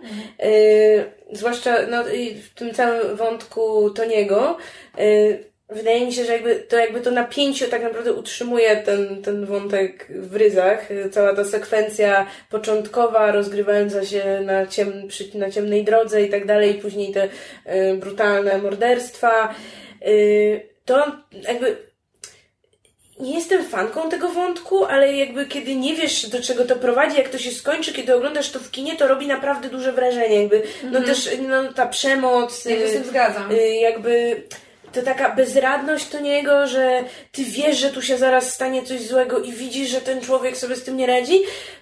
To jest bardzo, jakby to, jak to oglądasz, to robi duże wrażenie, ale ja mam o tyle problem, że ten film nie za wiele niesie moim zdaniem za sobą jakiejś takiej treści, która miałaby mi wybrzmieć w głowie później. E, ale tak jak mówisz, jest piękne stylistycznie. Mnie w tym filmie zachwycało światło przede wszystkim, czyli to, że wszystkie sekwencje, w których występuje Tony, są oświetlane takim żółtym światłem, często tym takim nieprzyjemnym żółtym światłem, a z kolei wszystkie sekwencje Susan to jest takie, takie zimne, niebieskie światło i jakby to, że jakby od razu wiemy, w której, wiadomo, w której jakby historii jesteśmy, to jest jedno, dwa, no, że jakby gdzieś tam jakby to światło oddaje nastrój, jaki mamy czuć, że jakby tu z jednej strony jest to takie, takie to zimne, takie wyobcowanie, Susan tam jest ten taki niepokojący, taki coś zaraz złego się wydarzy. To jest fantastyczne. Tak samo jak te kadry, to o czym ty pisałeś w swojej nocy, na przykład ta sekwencja z kanapą. Fenomenalny kadr. No, ale właśnie, bo to jest jedyna rzecz, która się dla mnie z filmów wybija, ten kadr, bo mam wrażenie, że Single Man w poprzednim filmie Toma Forda, bo to jest jego drugi film, em, że było tego typu właśnie wizualnych em, smaków i paralel i metafor było więcej, natomiast tutaj to jest jedyna rzecz, która się dla mnie wybija i żeby było śmieszniej, to jest coś, co em, Ford dodał od siebie, to znaczy, żeby móc zrobić te, to tableau z kanapą i zrobić tę paralelę wizualną, on musiał zmienić praktycznie całą treść tej sceny i jakby jej okoliczności. I właśnie żałuję, że tego nie robił częściej, że nie zmienił więcej, nie wprowadził więcej siebie, nie tylko w wygląd tej historii, ale też jakby w treść tej historii. Bo uważam, że jakby, że, że fabuła i dialogi i konstrukcja postaci w oryginalnym, w, w, oryginalnej książce są jakby, są, są, są wadami i to, że Ford nie zmienił więcej jest, wpływa negatywnie w moim wypadku na, na odbiór filmu. Natomiast zgadzam się z Ocią absolutnie, że jakby nie, widzę teraz, że znajomość książki była w pewnym sensie błędem z mojej strony, bo trzymanie, to, żeby ta historia cię trzymała w napięciu jest bardzo istotne w tym Tak. filmie. I rzeczywiście wątek Toniego, to, żeby on trzymał w napięciu, ciągnie resztę, natomiast jeżeli, cię, jeżeli nie masz tego napięcia, jeżeli wiesz, co się stanie, no to leży, bo Mhm. reszta nie jest w stanie tego utrzymać. Tak, jeszcze, jeszcze jakby też mm, inny wątek, który wydaje mi się jakby, powiedzmy, nie wiem, zrobił na mnie najlepsze wrażenie, to jest wątek e, Susan i jej matki. To jest krótka, tak naprawdę to jest jedna scena, też w ogóle wspaniale wystylizowana, bo tam wszystko tak ocieka złotem. I to, to jest jakby krótka rozmowa między Susan, to są retrospekcje, Susan, ona wtedy y, dopiero chyba planuje małżeństwo z Edwardem, y, a matka Susan no jest taką kobietą z wyższej klasy, jakby ona jej mówi, że, że ona pożałuje tej decyzji, że ona w jakimś momencie będzie chciała więcej, będzie chciała jakby utrzymać ten poziom życia, do którego była przyzwyczajona i dopiero jakby wtedy się zorientuje, że Edward jej tego nie da, że będzie nieszczęśliwa i tak dalej. I tam pada w jakimś momencie kwestia, że w jakimś momencie wszyscy stajemy się takie jak nasze matki. I to jest ten moment, kiedy Myślałam, że na siebie cała, spojrzały cała i takie, sala też tak jakby zafalowała. Znaczy, nie cała sala. E, Wszystkie kobiety na tak, sali tak, zafalowały w tak. sposób tytułem wcale nie, o cholera, jednak tak. tak, to jest ten moment, kiedy sobie mówię, jednak tak. No. I to też jest Ford. On to Tak. wprowadził, bo tego w książce nie ma. I to są właśnie, wiesz, takie... Jakby im, im bardziej ten film się rozpracowuje, tym bardziej widać, że mam Że to, wrażenie, co zrobił wszystkie... Ford, było lepsze niż Tak. to, co jakby wziął Ford z, z książki. Tak, że właśnie jakby zaadaptował bardzo umiejętnie, natomiast mógł jeszcze bardziej, mógł jeszcze bardziej odejść od, od materiału źródłowego. Ale polecamy. Polecamy Jak jeszcze o, ostatnie zdanie. Muzyka jest świetna, muzykę robił A- Abel Korzeniowski, Och, och, fenomenalny soundtrack. więc warto obejrzeć, nawet jeśli nie dla historii, to dla właśnie e, dźwięku i obrazu. Tak. I czekamy na kolejne filmy Forda. Oby szybciej. Obiecał, że tym razem będą szybciej, nie będziemy 5 lat Ale to on czekać. nakręcił tylko dwa? Tak. Tak, to jest jego drugi film. I A Single Man było bardzo dobrze przyjęte. Dla mnie to jest najlepszy film ostatnich kilku lat i fenomenalny w ogóle debiut. A jakby Tak. to jest tylko potwierdzenie, że to, to nie był przypadek i że Tom Ford oprócz bycia projektantem jest też bardzo dobrym reżyserem, który ma swój styl i wie co robi. Więc tym bardziej czekamy na Tak, kolejny film. prosimy szybciej niż za 7 lat. A nie pięć? 2009. Tak? No. Jezus, jak ten czas leci. Myślałam, że pięć. Wow. Damn world. Weirdo.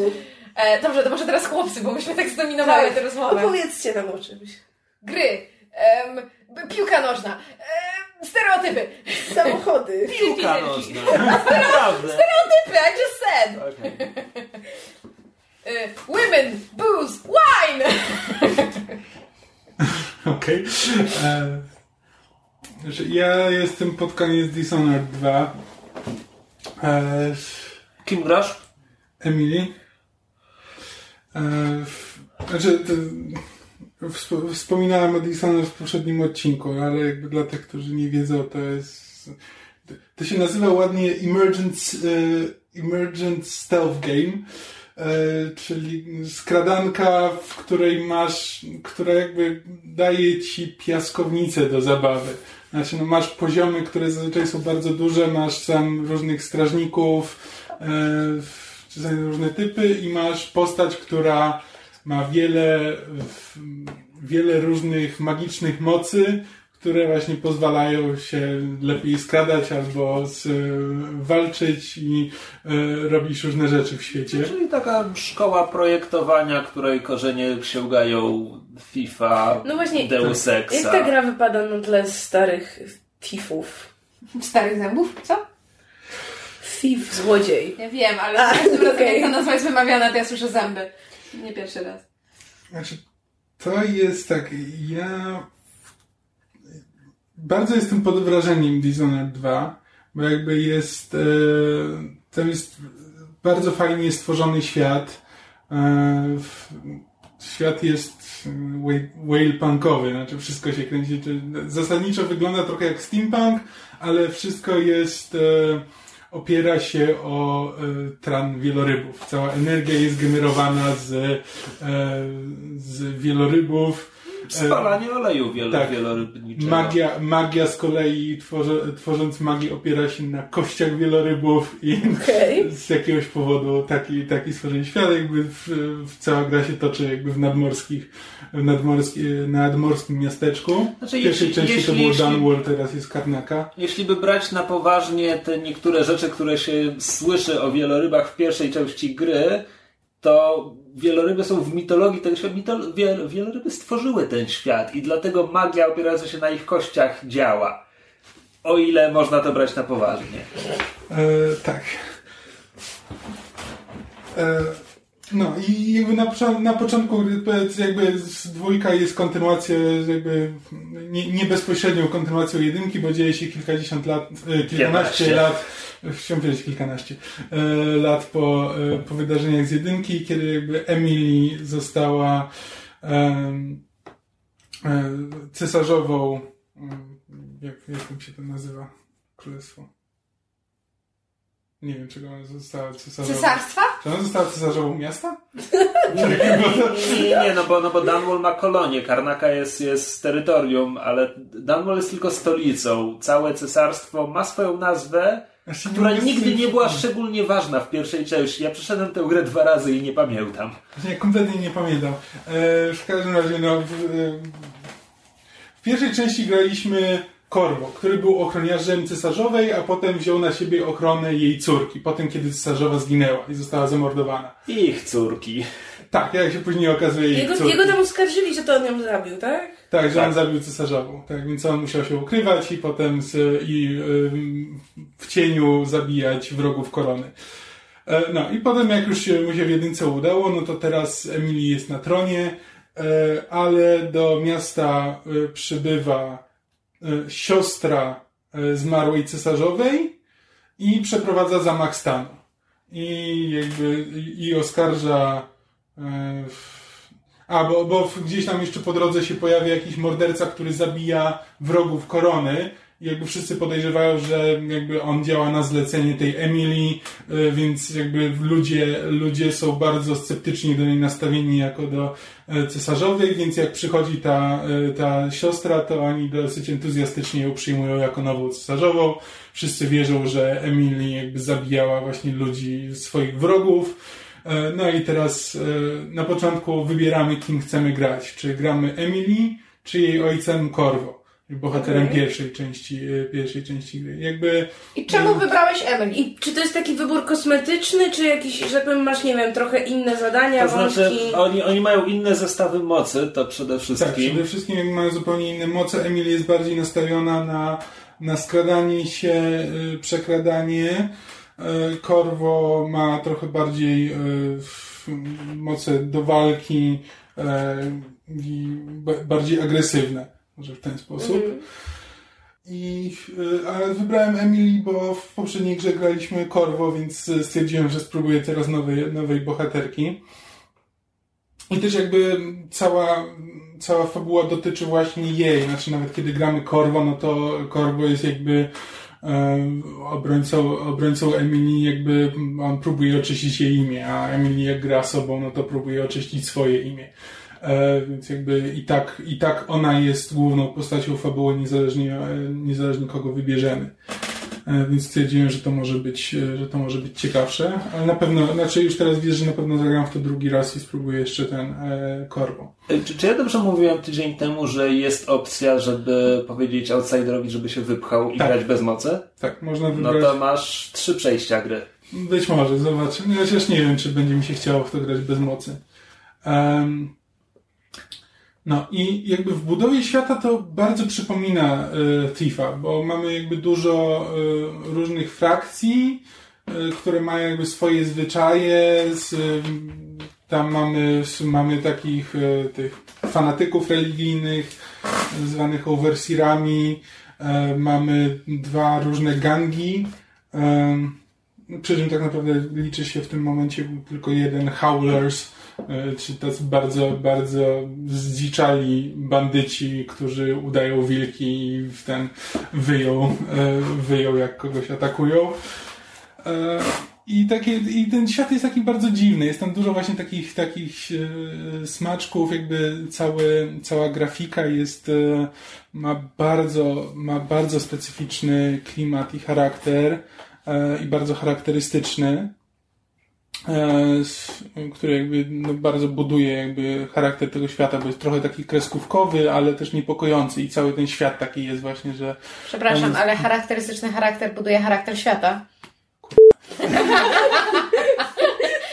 Ja wiem, że nikt tutaj Kamila nie słucha, ale ja go słucham i bardzo mnie to rozbawiło. Ja go słucham. Wypraszam sobie. Ty się bawisz I nie przyczepiłeś się. No bo stwierdziłem, że nie ma dobry flow, nie będę go psuł. Ale mnie to zawsze psuje. Prawda? Jeden. Kamila lubię. Ooh, somebody call the burn unit. Sprawdziłem, jak się nazywa cesarstwo. Uważaj, to jest cesarstwo wysp. Składa się z czterech wysp. Z wyspy Gristol, wyspy Morli, wyspy Serkonos i wyspy Tywi. Wyspa, wyspa, wyspa jeden, wyspa dwa, wyspa, wyspa, wyspa Więc cztery. tutaj jesteśmy na wyspie Serkonos i o ile Dunwall było bardziej podobne do Londynu, to z, y, czy Dunwall to było to miasto z pierwszej części, a teraz jesteśmy w mieście Karnaka. E, Śródziemnomorskim. na- W mieście Karnaka na, tak, na, na wyspie Serkonos i tak, i ono ma taki bardziej śródziemnomorski Te charakter. nazwy brzmią śródziemnomorsko, znaczy Karnak Tak. brzmi Tak. tak. E, No i znaczy, gra jest fantastycznie jakby zaprojektowana. Znaczy, te moce rzeczywiście pozwalają ci robić różno, e, dużo różnych rzeczy i podchodzić do gry na wiele różnych sposobów. E, psuje fakt, że znaczy, ja nigdy nie lubiłem tego, e, tego binarnego podziału, gdzie mamy gra takie w pierwszej i drugiej części ma e, dwa zakończenia. E, ponieważ każde zabójstwo dodaje ci jakby punkty chaosu. Im więcej tego chaosu masz na koniec, jeśli masz dużo, duży chaos jakby tworzysz, zabijając wszystkich dookoła, no to zakończenie będzie bardziej pesymistyczne. Natomiast jak A to jest też, to też ma wpływ bezpośrednio na grę. W jedynce to było, nie wiem, więcej szczurów na ulicach i inne takie. Tak, tak, też jest. Nie, szczury są Czyli jak mordercze. siejesz jakby. chaos, to pojawią się szczury na ulicy. No, W jakim sensie jedno, są mordercze? no, są stada szczurów, które rzucają się na ludzi. A, nie, no, gryzą ich po nogach i obżerają do kości. Jedna, jedna z To jest mocy twoją korwo, winą. jed, jedną z mocy korwo jest przyzwanie stada szczurów, które, Gangler. Które potrafi właśnie zeżreć paru Tak, strażników. tutaj, tutaj na, w Karnace zamiast szczurów mamy bloodflies, czyli takie krwiożercze em, owady, które też się rzucają na ludzi i też teoretycznie jeśli grasz na, właśnie zabijasz dużo ludzi, to w grze będzie znacznie więcej tych, tych morderczych muszek. Ja mam parę pytań, jeśli pozwolisz. Po pierwsze, było mówione, że twórcy przyłożą się do tego, żeby dorzucić dużo więcej rozwiązań na niezabijanie, żeby ta Tak. grania na niezabijanie była ciekawsza i bardziej złożona niż w jedynce, gdzie miałeś właściwie, mogłeś ich tylko popodduszać i to zasadniczo było tyle. Tak, tu masz dużo, dużo jakby różnych opcji też pozwalających ci, szczególnie właśnie Emil, nie wiem jak to wygląda po stronie Corvo, jakie on ma moce, e, ale właśnie grając Emilin, to po, po pierwsze masz moc e, zwaną Domino, e, które pozwala ci... Zamówić pizzę. Dokładnie. E, możesz zaznaczyć kilka, kilka postaci na planszy, wrogów, i to, co się przytrafi jednemu, przytrafia się wszystkim. Czyli jeśli zaznaczysz trzy osoby i poddusisz jedną z nich, to wszystkie padają. A, fajne. E, tak, e, co też jest e, w podcaście z Keniem Crowbar właśnie e, słyszałem, że facet próbował e, właśnie przechodzić tak, żeby nikogo nie zabić i robił wszystko, żeby uratować jednego, jednego człowieka, ponieważ jak e, połączył ich domino, on siedział na jakimś murku i za każdym razem jak wyskakiwałeś na niego, kiedy coś się działo, to on się przy, e, to on w strachu spadał za ten murek i spadał gdzieś w dół. Więc po prostu zabijał wszystkich, wszystkich w okolicy. I tego typu, tego typu rzeczy. E, I to właśnie to, to ci daje sporo takich możliwości, że po prostu sobie zaznaczasz, a potem e, z, a potem wystarczy, że tą jedną osobę złapiesz gdzieś na osobności. Zepniesz możesz, tak, i możesz po cichu, po cichu cały, cały pokój jakby wymordować albo w- e, unieprzytomnić. Ale to musi być kur... kuriozalne dla osoby z zewnątrz, która nie jest poddana Tak, temu tak. efektu domina. Nagle wiesz, stoisz w jakimś, na jakimś placu i nagle 13 osób ci pada bez powodu. Znaczy tutaj można zaznaczyć do czterech tam przy rozwinięciu tej mocy, ale A. tak, zasadniczo tak to wygląda, że nagle masz jedną taką osobę, która w ogóle nie wie, co się dzieje. e, jakby I cała gra się zasadza na właśnie tego typu sytuacjach, jakby tego typu dziwnych e, połączenia, czy to jest to, co jest najlepsze w tej grze, znaczy rzeczy, które wychodzą zupełnym przypadkiem, znaczy ja właśnie próbuję e, próbuję przechodzić tak, żeby nikogo nie zabijać, E, Co zazwyczaj się kończy tym, że jest po prostu kupa, kupa ludzi jakby z e, Podduszonych. nieprzytomnych i zazwyczaj jest jeden jakiś strażnik, który chodzi po, który chodzi, chodzi po budynku i jeszcze nie zauważył, że jakoś pusto w nim jest. E, Dave, are you here? tak. To jest chyba wieczny problem tych gier skronunkowych, że właśnie ludzie nie zauważają tego, że Znaczy, tam- jakby jak potknąć tak. o ciało, to jasne, zauważam, że nie Tak. wiem, leży ciało, obecnie czy tam martwe, czy nieprzytomne, ale jeśli po prostu weźmiesz kogoś, nie wiem, innego strażnika, ubijesz i go, nie wiem, schowasz do szafy i jego nie ma na tym posterunku, to już ten drugi strażnik nie orientuje się. Znaczy, jest parę takich punktów, gdzie się strażnicy orientują, znaczy jeśli jest e, taki punkt strażniczy i w nim jest osadzony strażnik, to jeśli się go pozbędziesz, to ktoś zauważy, że go tam nie ma na posterunku. Natomiast to nie działa w, po prostu w budynku. Jeśli po prostu tam są strażnicy, którzy sobie chodzą w tej i to możesz ich spokojnie e, wiesz, poddusić, zabrać gdzieś do szafy i e, nikt się nie zorientuje, że kogoś tutaj nie ma. Dobra, drugie pytanie. To jest mój największy problem z Deus Ex Human Revolution od mechanicznego punktu widzenia, to znaczy masz, gra ci na początku stawia wyzwania, potem przez całą grę nabywasz umiejki i, i poziom trudności jakby nigdy nie rośnie. I to był też trochę mój problem z Dishonored, gdzie właściwie jak z, z pierwszą częścią, gdzie jak już miałeś Blink, tak naprawdę żaden poziom nie jest wyzwaniem, bo Blink pozwala ci, jeśli, jeśli, jeśli teleportujesz się pod sufit, ci strażnicy nie patrzą w górę i praktycznie 3 czwarte poziomu możesz przejść po prostu bez niczego. I jasne, masz mnóstwo innych mocy, którymi możesz się bawić, jeśli chcesz. Natomiast jak grałem w jedynkę, to nie miałem poczucia, żeby gra kiedykolwiek mnie zmuszała, żebym ja tak naprawdę e, musiał korzystać z tych opcji. E, I tutaj tego też nie, e, Aha. też nie ma. E, Znaczy jest poprawione to, że jakby samo, znaczy Emily ma swoją wersję tego Blink, bo jakby Corvo ma Blink, czyli taki teleport krótkozasięgowy, natomiast Emily ma mackę, która pozwala jej się przyciągnąć w, w inne miejsca, która jakby służy do tego samego, ale po pierwsze, y, jakby blink w momencie, kiedy się teleportujesz, to jakby jesteś niewidoczny, więc jeśli się teleportujesz między jedną skrzynią a drugą skrzynią, a strażnik patrzy w twoją stronę, to, to cię nie zauważy, bo ten, natomiast Emily może zauważyć jej, bo jakby przelatuje jej po prostu Bo nagle... macka wystaje. Tak, bo po prostu przelatuje ci nagle najpierw macka, a potem dziewczyna za nią. E, więc e, ktoś, się, e, ktoś to może zauważyć. To jest taka drobna różnica. S- druga drobna różnica jest taka, że tą macką, ta macka nadaje ci pęd, więc teoretycznie jeśli się możesz przy Właśnie tak jakby przyteleportować, a potem jeszcze kawałek cię przerzuca, więc można się tak jakby przerzucać na jakiś balkon. e, To, to daje parę, parę taktycznych możliwości. Trzecie pytanie. Jak rozwiązali manę? Czy to jest znowu tak jak w poprzedniej grze, że tam co chwila musisz... Czekaj, bo jeszcze, bo jeszcze, bo mówiłeś to, że jak się na, na górę wejdzie. Tutaj w tej grze akurat strażnicy trochę bardziej patrzą w górę. Znaczy, jeśli siedzisz na żyrandolu, to nie znaczy, że w tym momencie już cię nikt nigdy nie zobaczy. E, czy jest szansa, że ktoś cię, że e, ktoś cię zobaczy? Szczególnie jeśli wzbudziłeś alarm, to już na pewno. E, to niezależnie jak wysoko jesteś, to prawdopodobnie cię zobaczą, jeśli jesteś mniej więcej w ich, w ich polu widzenia. E, ale jakby te, te ta, szczególnie, że jakby te poziomy są zaprojektowane tak, że na przykład do każdego budynku jest wiele różnych wejść i praktycznie rzecz biorąc możesz wejść od dołu, równie dobrze możesz wejść od góry. Jakby poziomy i misje są zaprojektowane tak, że bardzo ciężko jest przeskoczyć cały poziom, że jakby w, Dishonored było parę takich poziomów, gdzie zasadniczo mogłeś po prostu jak znalazłeś odpowiednią drogę, to mogłeś przejść górą, tak żeby cię nikt nie zobaczył, prosto do swojego celu, zamordować swój cel, wrócić i zakończyć misję. to, to, co mnie trochę podminowało, to, że to, to było też zasadniczo finalna misja pierwszego Dishonored. Tak, Tak, wygląda. To dokładnie. jest wielka, ogromna twierdza, gdzie są po prostu mnóstwo strażników, ci, ci ludzie na tych mechanicznych szczudłach i tak dalej.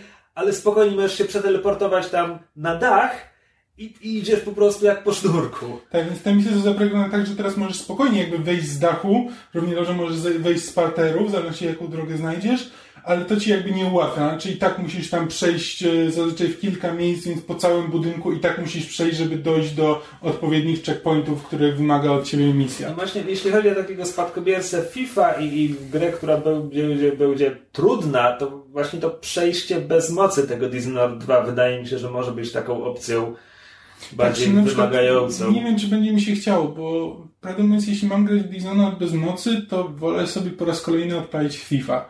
E, Bo jakby mimo wszystko wolę świat FIFA, wolę klimat, e, prowadzenie, prowadzenie historii. Znaczy, Dishonored 2 jakby ma strasznie fajne pomysły i jest tam bardzo dużo dobrego w świecie, ale jest też tam taka, taka nutka właśnie pretensjonalności. Dla mnie takim symbolem tego jest to, jak wygląda ekran, jeśli ktoś cię zabije. Znaczy, jeśli zostaniesz zabity, to pojawia się game over, a potem jakieś zdanie pokroju Death is upon you. You have met your fate. I to jest takie... Znaczy, no to jest pretensjonalne, a jeśli chcesz być pretensjonalny, to bądź pretensjonalny. To rzuć mi tym tekstem Death is upon you w twarz. Ale nie game over, Death is upon you. Albo jedno, albo drugie. Jakby, albo już bądź pretensjonalny do samego końca, albo bądź grą.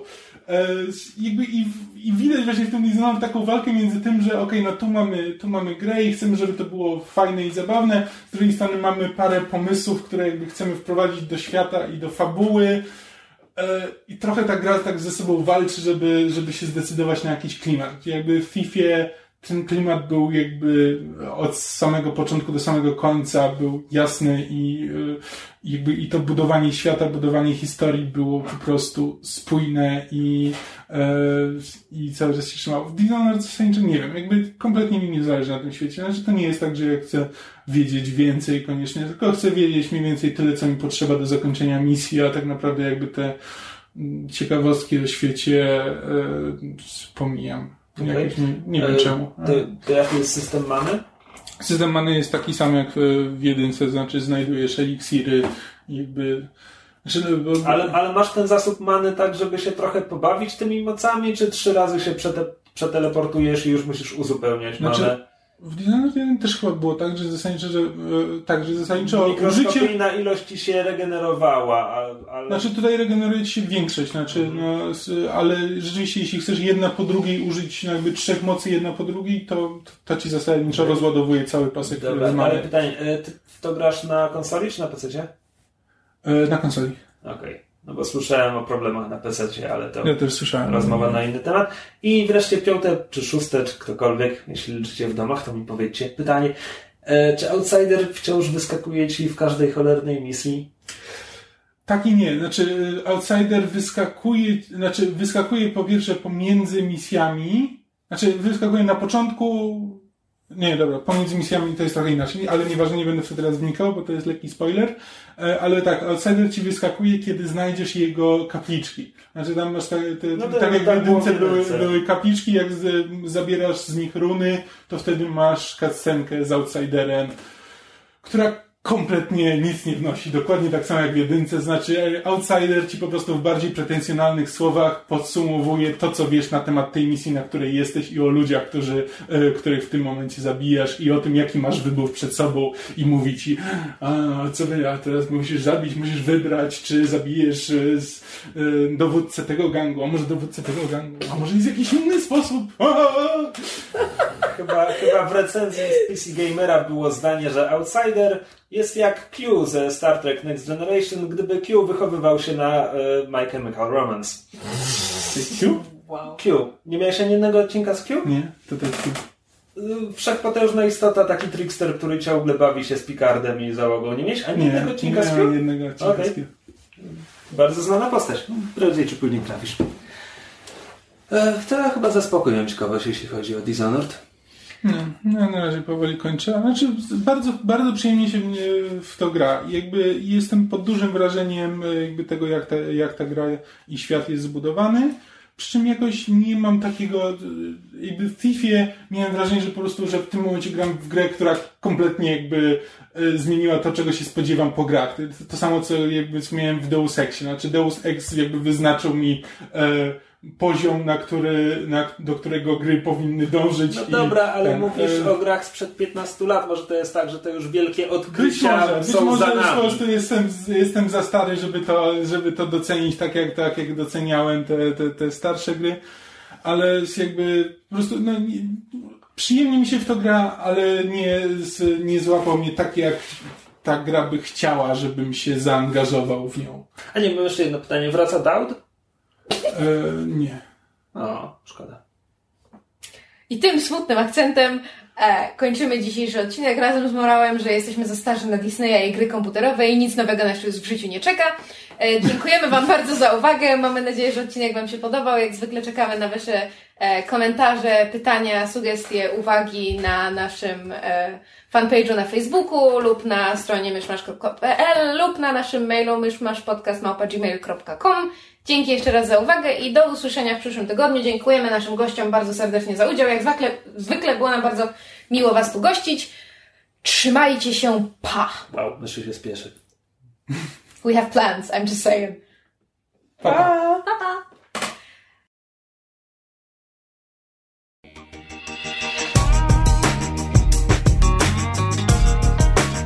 Słuchaliście podcastu Myszmasz. Możecie nas znaleźć na myszmasz.pl lub polubić nasz fanpage na Facebooku. Możecie nam także wysłać maila na myszmaszpodcast.gmail.com Jeśli do nas napiszecie, będziemy szczęśliwi jak prosie w błocie.